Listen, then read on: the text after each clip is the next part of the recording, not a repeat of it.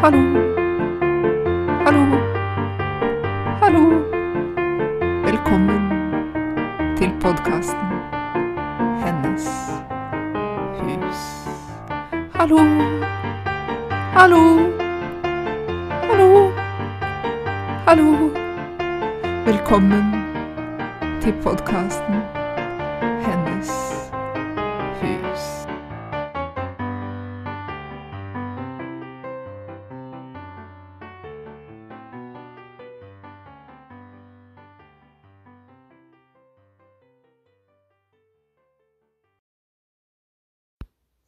Hallo, hallo igjen.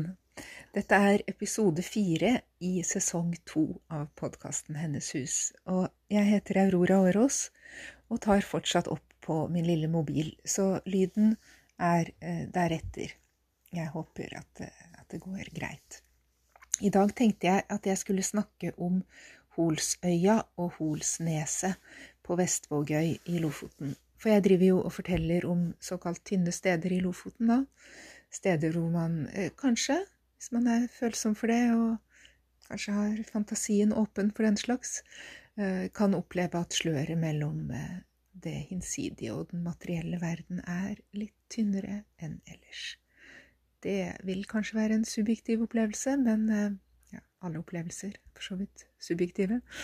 Men, men det er jo noe med steder hvor mange, mange har den følelsen, da, som, som kan være litt påfallende av og til. Og I dag tenkte jeg vil snakke om eh, Holsøya. Holsøya er en eh, liten øy som ligger like ved Leknes på Vestvågøy.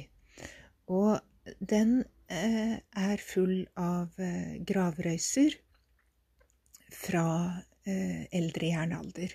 Det vil si, man regner med at de er fra sånn ca. 300 til 600, eh, altså i vår tidsregning, etter Kristus. Så um, før vikingtida, altså, og, og, og tidlig jernalder. Og der er det så mange som 61 synlige gravrøyser på denne øya. En eller annen gang på 1800-tallet, og slutten av 1800-tallet, så ble de undersøkt arkeologisk eh, for første gang, da, av en eh, arkeolog fra Tromsø. Og han eh, rettet litt på Han liksom satte opp steiner som var eh, veltet og sånn. Så det er ikke helt sikkert at alle steinene står der de opprinnelig sto i dag. Men, eh, men det er veldig, veldig imponerende. Og det som også er spesielt med denne øya, det er at eh, den, den er landfast ved fjerde sjø. Da kan man gå tørrskodd ut dit. Men når det er flo, så, så er det en øy, da.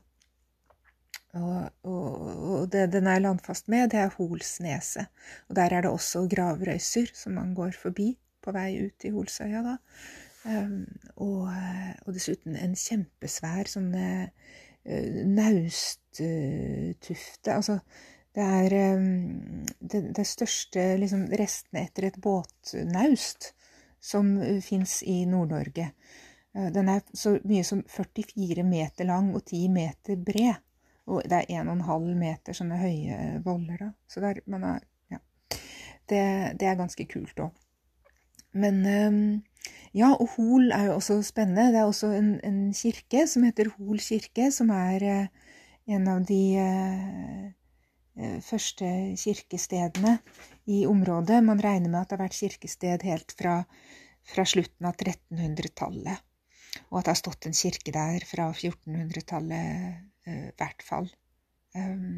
Så det er spesiell stemning hele dette Hol og Holsneset og Holsøya. Og ja, jeg vil absolutt anbefale et besøk dit hvis man er på Leknes. Det er ganske lett å komme seg dit. Man kan gå til noe som heter Fygle skole. Der går man vel på en 20 minutts tid fra Leknes sentrum. Det er bare å følge veien mot Stamsund, og så ta av der hvor det står Fygle skole, og så går man ned derfra Holsveien, og da kan man gå helt ut til Holsneset. Og når det er fjerde, altså helt ut til eh, Holsøya. Og det var ganske vanlig da i, eh, i Nord-Norge at man hadde altså sånne øyer som bare ble brukt uh, til graver. At det var gravplasser ute på øyene, så det kan jo ses som sånn, et hellig og eh, til, altså et sted som er satt til side for de døde, og som ble ansett som, som hellig. Um, jeg eh, var på Holsøy, jeg har vært der én gang, uh, og det var veldig, veldig spesiell stemning. Nesten litt skummelt, syns jeg. Uh, ikke på en sånn spooky måte, men det var noe med Det er så annerledes å gå ut og bare gå i et landskap blant disse gravene. Um, og selvfølgelig så er det jo noe med at du veit at du må prøve å komme deg tilbake før det blir flo. For det ville jo være uheldig å bli uh, I hvert fall sånn tidlig i mai, når det er sånn ganske kaldt, og, å bli strandet på denne uh, De dødes øy, på en måte, blant alle gravene fra, fra jernalderen. Det kunne jo blitt litt litt eh, ja, i heftigste laget for min del, så jeg var litt sånn ah.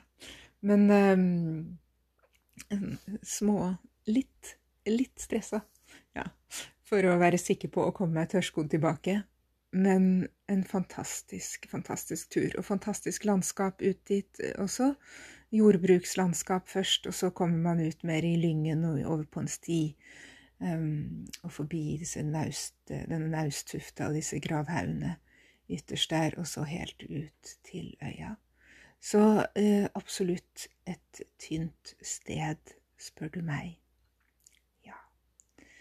Ja, og eh, Hols kirke den kan man nå hvis man Da må man liksom gå litt lenger forbi Hol skole, og så ta av en sidevei til venstre, så kommer man til Hol kirke, og den kan også være verdt et besøk. Den kirken som står der i dag, er nyere, jeg tror den er fra tidlig 1800-tall, kanskje eller muligens sent 1700-tall, jeg er ikke sikker, men det er spesiell stemning eh, der også.